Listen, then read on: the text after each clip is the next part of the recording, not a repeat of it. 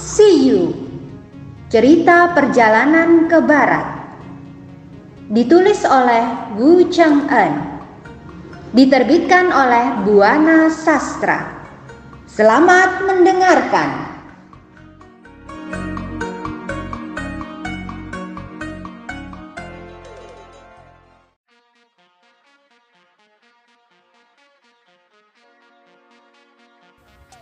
Dikisahkan di dasar sungai, siluman yang berniat mencelakakan Tan Seng Sang dan rombongannya sudah lama bersiap-siap menunggu kesempatan baik.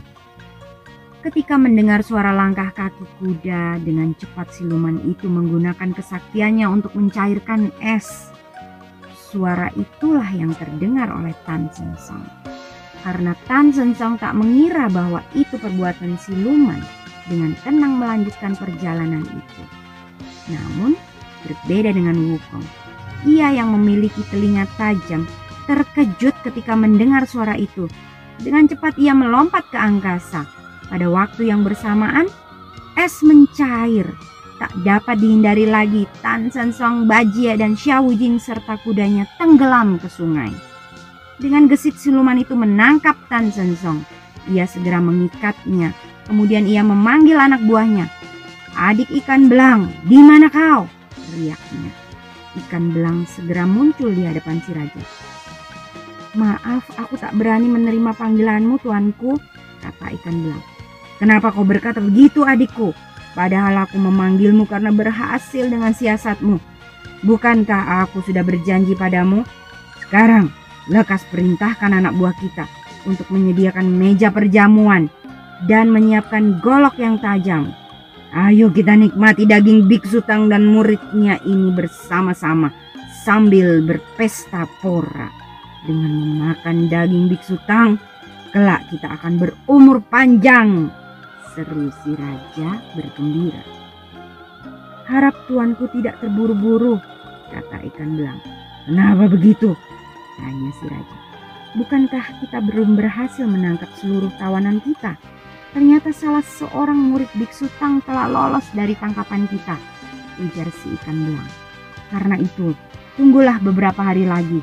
Apabila si murid itu tidak datang menolong gurunya, barulah daging biksu Tang kita santap bersama-sama. Siluman yang setuju dengan usul ikan belang segera memerintahkan anak buahnya agar mengurung Tan San Sang ke dalam sebuah peti besar. Xu Bajie dan Xiao Jing yang terkejut karena es mencair berusaha berenang di dalam air. Mereka bergegas menuju permukaan air ketika menengadah dilihatnya Sun Wukong berada di angkasa. Bajie, mana guru kita? Tanya Wukong. Wah celaka, guru hilang. Ayo cepat kita ke daratan. Seru Bajie yang kaget dan panik bukan main. Dulu Xu Bajie adalah marsekal Tian Peng yang pernah berkuasa di Sungai Langit. Sedangkan Xia Wujing juga pernah berkuasa di Sungai Pasir, Baima. Si kuda putih adalah cucu dari Raja Naga Laut Barat. Jadi tak heran kalau mereka semua bisa selamat. Kebetulan siluman itu hanya ingin memangsa Sansang.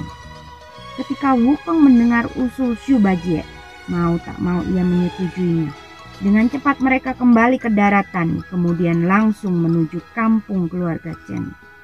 Tak lama, mereka sampai di rumah keluarga Chen.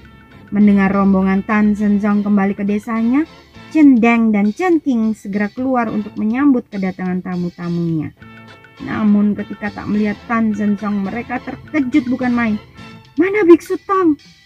Tanya Chen Deng. Sudah, jangan panggil dia Tan Zhang. Panggil saja Chen Daodi karena dia sudah tenggelam ke dasar sungai, kata Bajia dengan sedih. Mendengar Tan Zhang tenggelam, Chen Deng dan Chen King menangis. Oh, sungguh kasihan. Padahal kami sudah memintanya bersabar. Apalagi kami akan menyediakan perahu untuknya. Tapi sekarang dia malah mati. Isa Cenking. Tuan jangan berduka. Aku tahu guru berumur panjang, kata Wukong. Pasti ini perbuatan siluman air itu. Sekarang tolong jemur pakaian dan surat-surat kami. Aku dan saudara-saudaraku akan mencari siluman itu. Biar ku basmi siluman itu agar tak jadi gangguan di tempat ini lagi. Mendengar seruan Sun Wukong, Cendeng dan King jadi girang sekali. Jangan khawatir, semua barang guru akan kami urus dengan baik, kata Cendeng.